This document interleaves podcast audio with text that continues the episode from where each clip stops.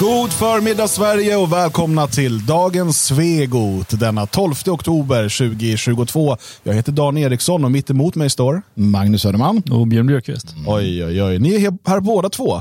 Det var länge sedan vi var alla tre här inne. Ja, faktiskt. Det var för min del en och en, ja, en vecka. Det är nog exakt lika länge för din Ja, del. jag kom på det nu att det är, Lika länge sedan för alla så har det faktiskt. varit. Ja. Man vet aldrig. det. Man vet aldrig. Det ligger liksom i, i sakens natur, Ja, naturens sak. Så att säga. Eh, ja, Det är eh, inte så mycket mitt och Magnus fel vill jag säga. Nej, eh, ganska lite. det spekulerades en del igår varför du inte var med. ja, men det var ju mycket, det är den här konflikten mellan dig och mig som har liksom blåst upp här på senare tid.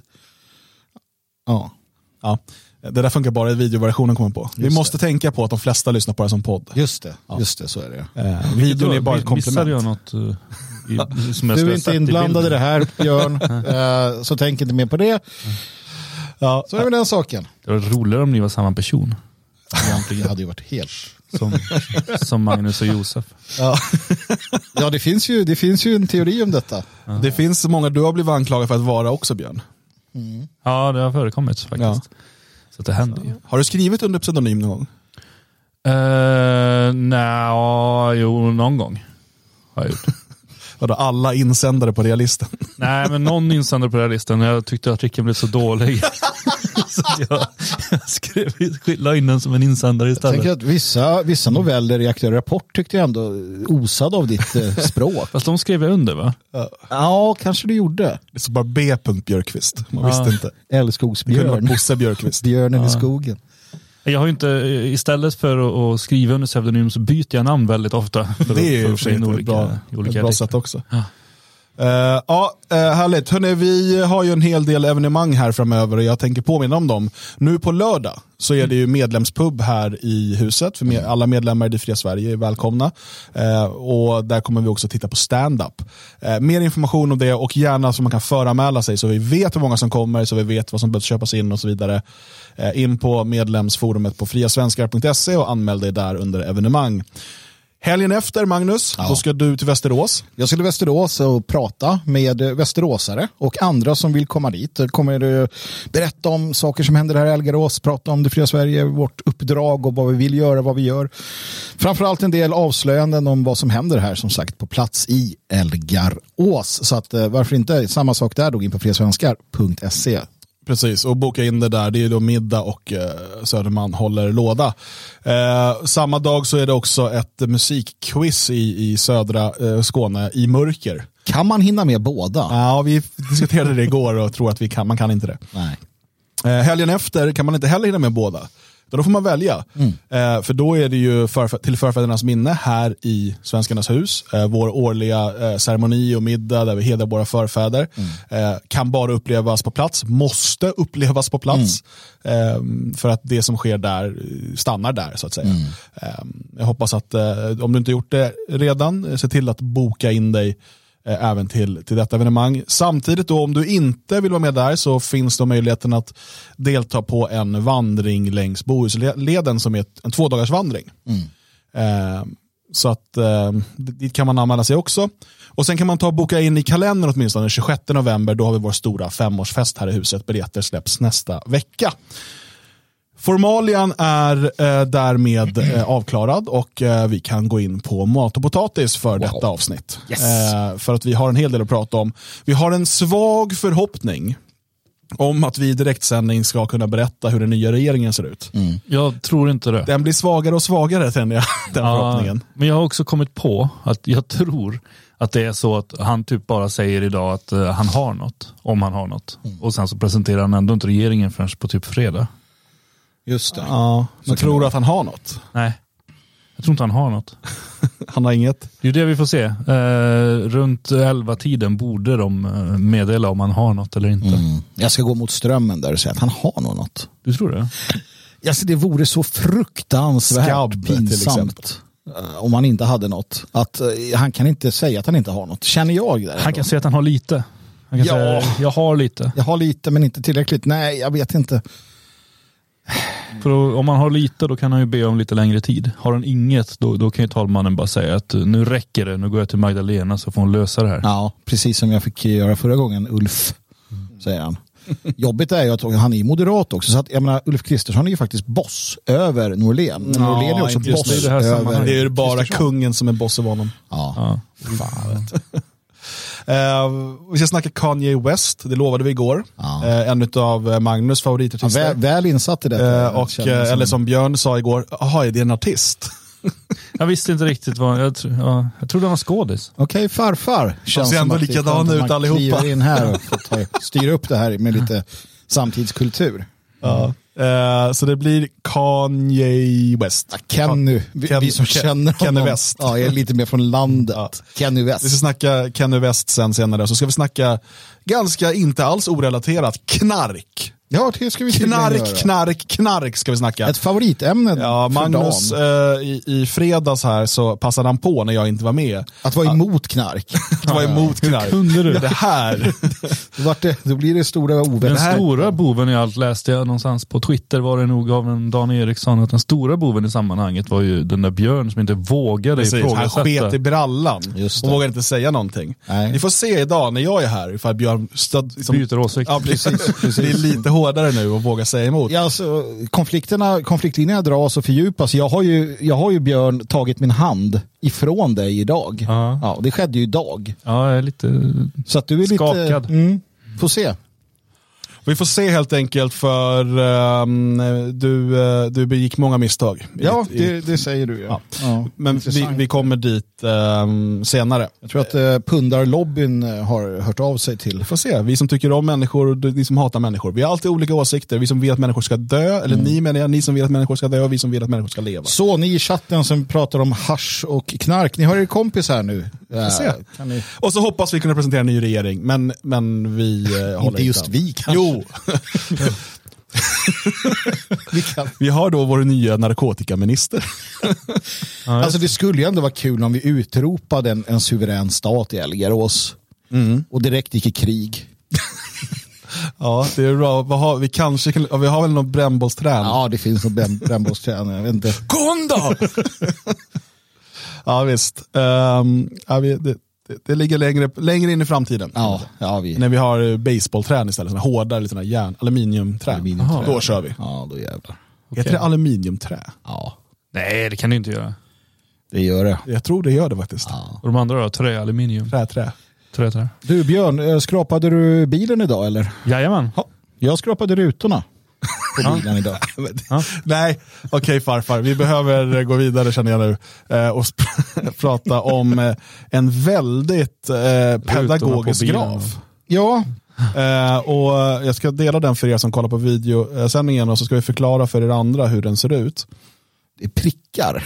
Ja, oh, jag ska se om den där ens ger någon... Kan, du, kan du lägga ut den i bild för de som har bild? Ja, Du måste ju ändå Han förklara sa ju det. att han skulle det göra var det det. jag sa att jag skulle göra. Om du men lyssnar mer på vad vi pratar vi om så måste ju ändå förklara den för programmet de som generellt inte... Alla, Precis. Ja, men nu- alla tittar ju inte. Nej, nej, Så vi-. Så här, det här är alltså då en eh, graf som visar eh, från riksdagsvalet då, eh, 2022 eh, hur, de här, hur de olika kommunerna positionerar sig på Tangalskalan eh, jämfört med rikssnittet, alltså jämfört med hur valet blev på hela riksnivån.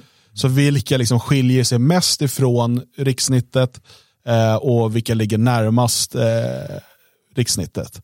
Eh, Och det vi bara kan konstatera först är att de som ligger närmast, de som är mest normala, så att säga, det är Gnesta. Sällan de får höra det gnästa tianerna. Ja, det är ju roligt för dem. Och Krokom är inte långt därifrån. Nej, Och Övertorneå. Det är ändå rätt långt ifrån varandra de här. Eh, Men de, de, är, norm, de är liksom, Men ja, av vi är som stor- folk är mest. Av storstäder så är det ju Växjö som hamnar närmast skulle jag säga. ja. det gör de. Absolut. Nyköping ganska nära med.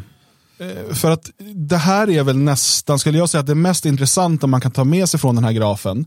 Eh, det kan vara lite kul att bara sitta och eh, titta på lite, eh, liksom allt möjligt.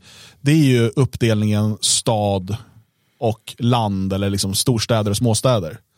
Ehm, för att det vi hittar eh, längst ner till vänster, alltså ekonomiskt vänster och eh, då eh, gal, alltså det som man säger grönt alternativt libertarianskt. Ja, det stämmer inte. Nej, men det, det är en översättning ja, från precis. amerikanskan De och det, det blir bara konstigt. det, det här. Eh, men det är, ju, det är ju snarare, jag skulle säga, kulturmarxistiskt. Vi pratar ju här, om du kollar på, man kollar på hur partierna placerar sig där. De som är längst ner på den då, det är ju Miljöpartiet. Alltså de, ska, den- de är mest gal. Så att Det säga. libertarianska miljöpartiet. Ja, precis. precis, så det ja. handlar mer om kulturmarxism, skulle vi kalla det. Är det någon som Klaus röstar på? Liksom? det är Klaus Bernheim, ja, den, det är hans gamla, den gamla miljöpartisten. Ehm, men det vi har då liksom, i, i nedre vänstra hörnet, ehm, det är ju alltså student och storstäderna. Mm. Eh, Stockholm, Lund, Umeå, Uppsala, Malmö och Göteborg. Och Sundbyberg Ja, efterblivet men det sticker ut. Det är ju Liksom. Gnaget, Solna är där också. Liksom. Man blir lite ledsam. Ligger det inte någon sån här tröttsam myndighet där också? Ja, det gör det säkert. Jo, posten ligger där. Ja. Eller, nej, Tomteboda, Tomteboda är är Solna. Ja, det är det va. Solna är betydligt bättre. Solna Men lika Sundbyberg är väl Sveriges minsta kommun, är det inte det? Ja, kan det vara. Ja. tror det. Ja. Men, men hur som helst, det är ju Stockholm. Liksom. Eh, till- mycket. Förutom när det gäller fotboll, då är Solna inte Stockholm. Nej, precis. då har jag andra principer. eh, men, eh, och sen så tittar man då, och det är ganska få kommuner som liksom är i det nedre vänstra hörnet. De allra flesta är i det övre högra hörnet eller övre vänstra hörnet. Övre högra är de allra flesta. Eh, och där är det ju, men det är ju alla då småkommuner plus Helsingborg, Kristianstad är ju lite större där. Eh, och så. Eh, men det visar ju på den här polariseringen som vi så ofta pratar om. Känns, det som, känns det som att ju längre söderut det kommer, desto mer kommer det liksom upp mot... Eller är det jag som bara får för mig Ja, det är mycket Skåne upp, eh, högst upp och det är liksom väldigt Sverigedemokratiskt då. Ja, Sjöbo för de går ju inte jättelångt åt höger heller utan de håller sig ju ganska i mitten där och det är ju Sverigedemokraterna som placerar sig där någonstans. Mm. Eh, Sjöbo tycks ju vara det absolut mest SD-vänliga. Mm. Sen har du ju klassiska de här, att de inte har släppt det än. Hagfors, du har Fagersta, där jag har bott en gång i tiden. Vilhelmina, Men Kalix. på vänstersidan. Precis, ja, där, där håller man kvar det. Och det är gamla bruksorter, det är, eh, ja, där då. Mm. Jag tycker det är kul ändå att Vilhelmina eh, ägnade sig åt en enorm förflyttning under, alltså från 2018 och framåt. Ja, de Alltså, gick ju en- både en- högerut och uppåt så att säga. Precis, de blev mer auktoritära och mer höger. Mm. Fascismen slog rot.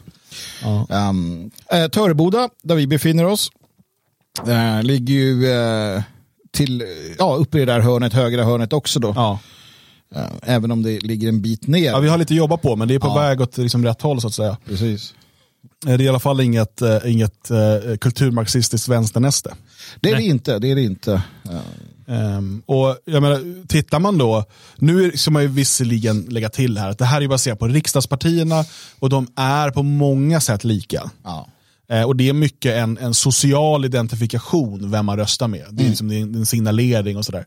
Eh, men eh, det finns ändå en väldigt tydlig eh, uppdelning här. Oh ja. Mellan liksom, de här eh, storstäderna ehm, och, och, och eh, de mindre samhällena runt om, runt om eller, och småstäderna eh, runt om i Sverige. Eh, det är väldigt få utav eh, de mindre samhällena som hamnar på den undre delen till exempel. Eh, och det här skulle vara intressant. Om den som har gjort den här grafen, det var någon som la upp det här på Reddit, jag vet inte, förlåt att min svenska, Reddit. Ehm, jag vet inte vem den personen är. Det som vore intressant vore ju om han skulle gå tillbaka och göra 2018, 2014, 2010 och sen en, en, en ehm, animation. Så man kan se hur de olika kommunerna rör sig. För jag, skulle tänk, jag kan tänka mig att det finns en liksom förflyttning uppåt och till höger. Det gör det säkert. Jag tänker egentligen, Fast det beror ju på också, jag menar, om de utgår ifrån snittet varje gång. Utan då måste de utgå ifrån snittet den här gången och sen gå Ja, bakåt. Annars så kommer det ju säkert ligga ungefär likadant. jag tycker att det intressanta, mest intressant ändå är, det är inte egentligen hur de ligger i den stora bilden, utan det är om vi tittar på den lilla bilden till, till eh, där du ser partierna till vänster där. Sverigedemokraterna ligger ju som du säger då uppe i det högra hörnet längst upp i princip. Där, Nej, inte i det högra hörnet, skulle jag säga mitten högst upp nästan. Ja, i mitten, ja, precis. Mm. Där hävdar jag att där har man gjort en förskjutning. Uh, går tillbaka ett antal år så, kommer du, så flyttar de sig vänster tills de ligger mer vänster än vad de gör åt höger just nu. Alltså de ligger kvar på själva... Det har blivit mer av ett högerparti. Mycket, mycket mer åt högerparti. Uh, jag vågar hävda att de skulle ligga alltså bakom S. Uh, om du ser S i den, den vertikala axeln, då, inte vertikal, jo vertikal. Um, men att den ska liksom förflyttas ännu mer nästan i mitten på den, den vänstra Horisontal menar du? Ja, horisontalt. Så. De ska förflyttas horisontalt, ja, men bakom då S på den vertikala också. Ja, skitsamma. Um, för att SD har gjort en jättehög förflyttning där. Um, och det är den ekonomiska och det här med um, ja, det, det är väl snar, framförallt att de anpassar sig till Moderaterna um, på en ekonomisk politik eh, som de har beskyllts för av, av vänstern, vilket är helt sant. Men det, för det, och det- det är också intressant. I Sverige finns det inte ett enda nationalistiskt och socialistiskt Så här. parti i den rutan. Alltså det finns SD är ju ingenting. mer socialistiska än vad NSDAP var. Ja, ja visst. Men det, just den rutan med, med alltså, eh, tan och vänster, den- är ju helt tom. Ja, du menar så? Om du tittar på Ja, partier, ja, det ja. finns ingenting där. Nej. Nej, just det. Nej, om man Örebropartiet borde ju hamna där någonstans. Ja, jag skulle tro det. Örebropartiet skulle hamna där, och de här Malmölistan och eh, för AFS skulle ju hamna längre till höger. Ja, det torde de göra. Eh, som de har mer så här plattskatt och, och lite sånt där. Samtidigt så vill ju de socialisera tandförsäkringen. Ehm, så att det, det finns ju, men det är väl det här man brukar då beskylla det, det är lite som varje gång som de gamla politiska experterna inte förstår ett parti eller den inte passar in på deras gamla höger-vänster-skala. Det är då, ah, det är populister, för de har både höger och vänsterförslag. Så bara, men kan ni förstå att er höger-vänster är ointressant? Vi pratar här om lösningar för folket och för de problem vi står inför. Då, då är det ju liksom skitsamma om, om det traditionellt är höger att vara för det eller traditionellt vänster för att vara för det. Jag tänker Björn, eh, Populism. vart hade Kjellén, om han hade fått göra som precis han ville, vart hade han hamnat i den galtan på den här partibildningen med sina ung... Utifrån dagens rikssnitt Ja, eller? med, med unghögern. Vart, vart, vart skulle unghögern ha hamnat? Eh, högerut, helt klart. Eh, uppåt också. Ja, men de skulle hamna upp mot hörnet där. Eh, inte längst ut. Du menar, mycket inte. högerpolitik i, i det ekonomiska. Alltså, Ja, fast samtidigt också har de ju vänster, vänsteridéer. Eh, så de hamnar inte allra längst ut åt höger. Men lite till höger än vad Moderaterna står nu tror jag. och det är intressant för att han, han förespråkade ju alltså en socialism. Ja. Och det är alltså en socialism som hamnar längst ut åt höger. Han förespråkar ju ingen socialism. Han pratar ju inte om någon socialism på det sättet. Eh, Men, men, I, I chatten här nämner man NMR och det är ju klart, de skulle ju hamna ganska långt till vänster och väldigt långt upp. ja, Skulle jag tro. ja, ja, ja, det skulle de göra. ja, det borde de göra. Alltså, om du utgår ifrån Per Öbergs uttalande för, nu var det ganska länge sedan. Så att, eh, han Ja, men om man kanske- utgår från programmet. Ja, ja. Nej, men han har ju själv sagt att vi är, det, alltså, det är som Vänsterpartiet i fördelningspolitik, men eh, Nationalister nationalistiskt. Alltså nat- en nationalistiskt, ett nationalistiskt vänsterparti. Då hamnar du ju där vänstern hamnar, kanske mer om vänster, men ändå då, som du säger högt upp där. Um, vart hade national... Eftersom man vill avskaffa demokratin och sådär så borde man hamna högt upp på den här äh, Precis. auktoritär. Alltså, Men vart skulle nationalsocialistiska tyska arbetarpartiet hamna i en modern kontext här, tycker ni? förmodligen väldigt högt upp. Ja, det vågar jag nog säga. Utanför den där. Högt upp skulle de hamna. SD sen- skulle ju hamna väldigt långt ner då, om man skulle också- göra det relativt på något sätt. Mm. Men sen skulle de nog hamna höger, alltså på många sätt eh, höger. Alltså de skulle hamna långt ner till höger också för att det, det, det är något, alltså eh, miljön, det gröna. Fast det är inte ju- så de, det här menar de ju något helt annat. Ja. Det är typ att vara liksom, att gilla Greta, hur mycket gillar du Greta Thunberg? Ja, just det, just det. Ja, då hamnar de inte där då. Jag tror att det är bara svårt att sätta in tysk politik på aldrig, 30-talet i tror dagens kontext. Hitler uttalar sig om Greta Thunberg. Nej. Inte, nej. Han hade inte koll på någonting kan man säga. Nej, i modern politik hade han ingen aning om Det svåra med NSDAP är ju också att programmet var ju kanske många gånger lite mer vänster än vad de var i praktiken. Ja, Så. precis. Jo, och sen var ju de olika falangerna. Och, ja, det, var man kan ju säga att det var en falang som blev lite nerhuggen sen. Ja, Ehm, och det var ju, ja, den var lite vänster. Men, men okej, så här då. Eh, Sista frågan. Vart, Dan Eriksson, placerar du dig som individ? Du själv, vart vill du sätta dig själv på galtan den här vi tittar på? på den, efter rikssnittet? Ja, efter rikssnittet. Ja, vart, vart skulle du känna att du hör hemma här? Jag vet inte. Jag har ingen Visst är aning. det svårt? Ja, är men för att jag har gjort sådana där galtal, då hamnar, man hamnar ju övre delen högerut. Ja. Ja, Typ SD. kanske lite mer höger. Ja. Men eh, det där är ju inte galtan objektivt, utan galtan efter rikssnittet i Mm. valet. Så, det, så, så det blir ju... Vi är ju en jävla samling populister. Vi vill plocka från det och det och det och sen så vill du ha liksom en helhet som är bra för folk. Och... Alltså hade man, om man säger då NSDAP från, eh, på 30-talet i Tyskland, Ja. om man hade haft det, hur, hur politiken såg ut då, då hade de ju varit vänster. Men i- jämfört med dagens politik hade de varit höger. Ja, alltså det, det, är ju, du har ju alltid de här eh, ja, kontexten så att säga. det är ju svårt att inte vara vänster idag. Alltså in, inom den kontexten. Alltså, eller snarare så här, om du tittar på en normal så är alla vänster, fast här hamnar de höger. Moderaterna är ju vänsterextremister. Liksom. Ja, men det beror på vilken alltså, kontext. Om du skulle införa moderat politik i Sverige 1907 Ja, så hade du sett som kommunistisk eh, liksom, revolutionär. precis. Ehm, som, typ. Alltså det blir ju, det, det är där man hamnar. Det, det, och det är ju det här Overton-fönstret och åsiktskorridoren och allt det här som, som liksom flyttas hela tiden. Och vårt metapolitiska arbete handlar ju om ehm, att, att flytta fönstret och bredda korridoren. Jag blev vansinnigt sugen på att äta en croissant och röka en cigarett. Och prata om det här i flera timmar. på ett litet café. Varför då? Jag vet inte, men så här, det är ett frasigt och smörigt god. Gud vad jag vill göra det just nu. Ja. Ja, ja, nåväl. Det är vårt nya program. Tjockisar äter och pratar politik. Det, det kan bli en hit alltså. Man vet aldrig. kan inte bli bättre. Hörrni, jag, eh, kommer ni ihåg Rasmus Paludan? Oh ja. Han skulle få flera tusen röster i valet. Var någon, någon idiot som trodde det. Eh, men eh, Inte jag. Ja, Jag har inte sagt någonting. Du pekade på mig. Nej, jag pekade.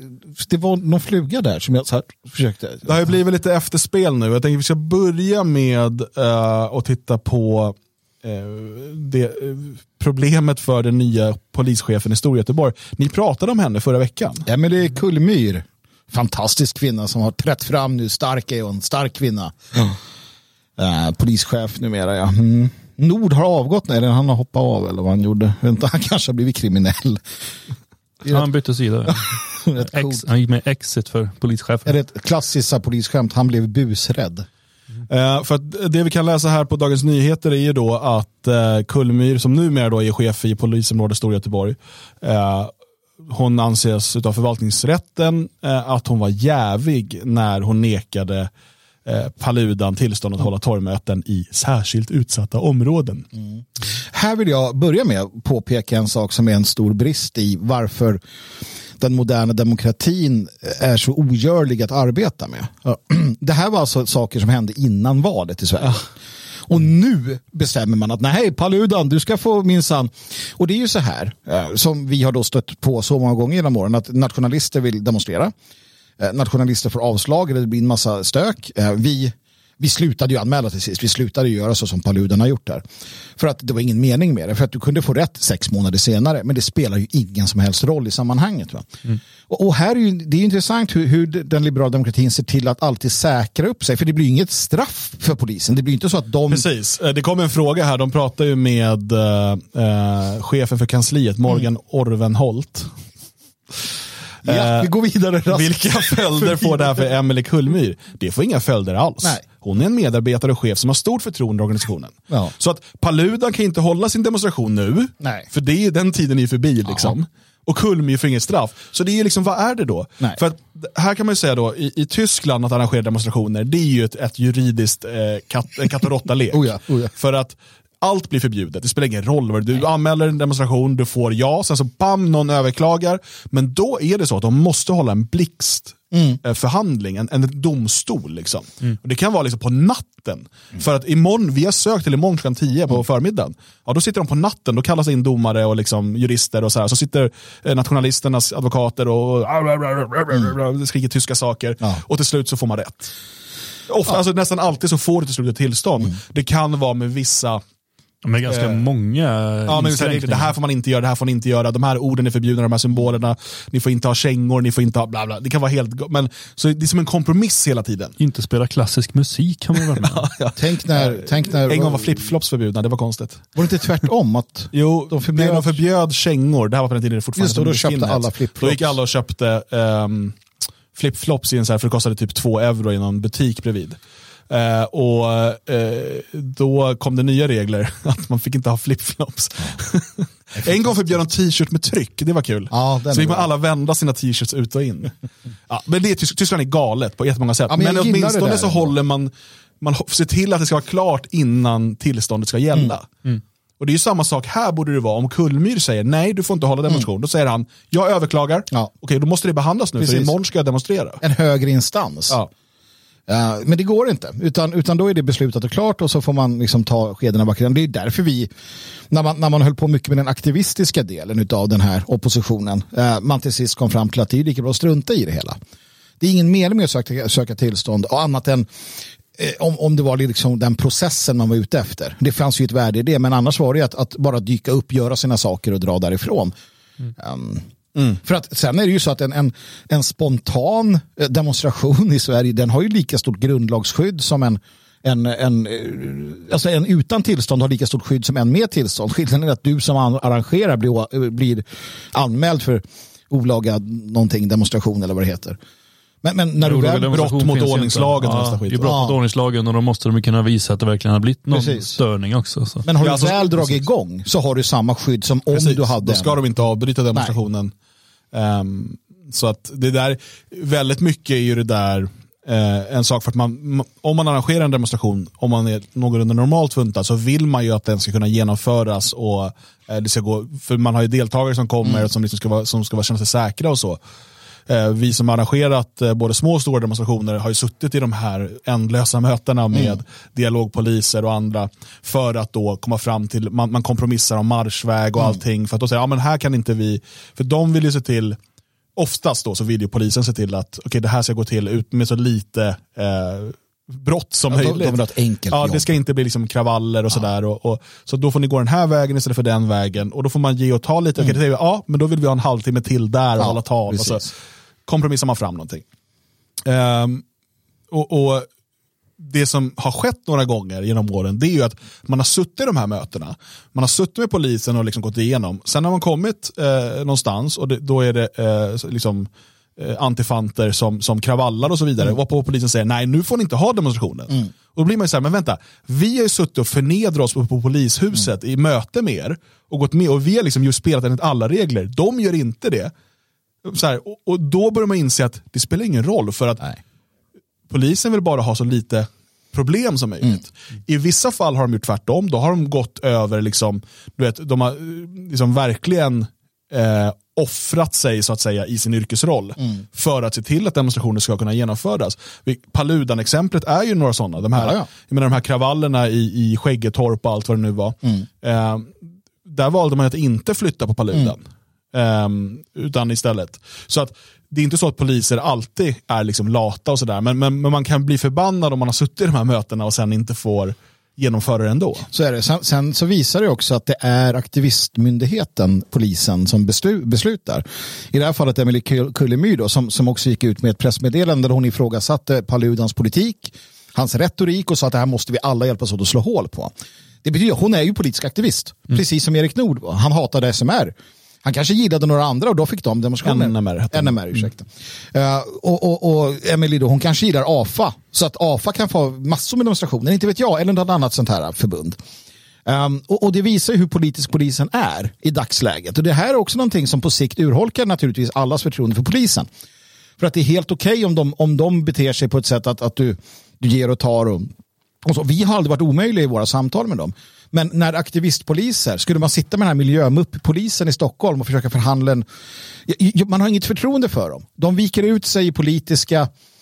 Alltså vi vet aldrig vart vi har dem. De vet vart de har oss någonstans. Men vi vet aldrig var vi har dem. För de låter sina personliga känslor och politiska ställningstaganden styra i beslutsprocessen. Där borde Kullemur få, få både varningar och löneavdrag. Och så här, du ska ge fan i detta.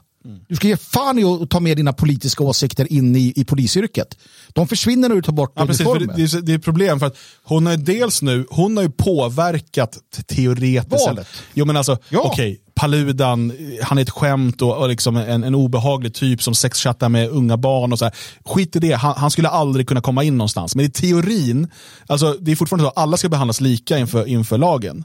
Eh, och, och, och genom att hon lägger in sin personliga politiska åsikt i det här eh, beslutet så påverk, kan hon påverka valet. Ja.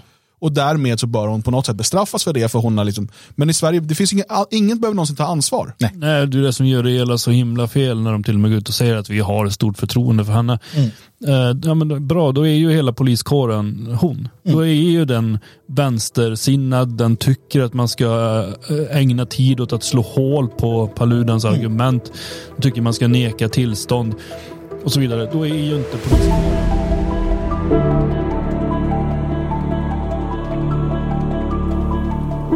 Ja, där var det slut på första halvtimmen, men vi kör en hel timme till som du kan få tillgång till som stödprenumerant om du går in på svegot.se support.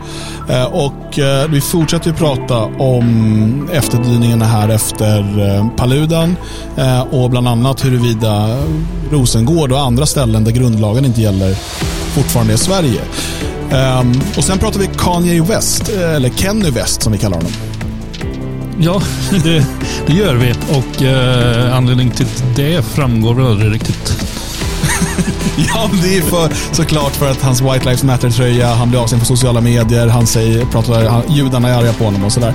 Och vi förklarar varför. Och sen, Magnus, så läxar jag upp dig Ja, i du, frågan om knirk, knark och knurr. Ja, jag vet att du känner så och vi får se när, när publikens dom kommer. Men det blir en het diskussion om pulver, ladd, knark, droger. Ja, vad tycker man egentligen? Och, och borde, jag, borde jag ha makt över det här eller inte? Min nyckfullhet sätts på prov. Emellanåt kanske. Ja, du går in på svegot.se support, tecknar en stödprenumeration så ser du till att vi kan fortsätta med de här dagliga sändningarna och du får tillgång till alla sändningar i efterhand.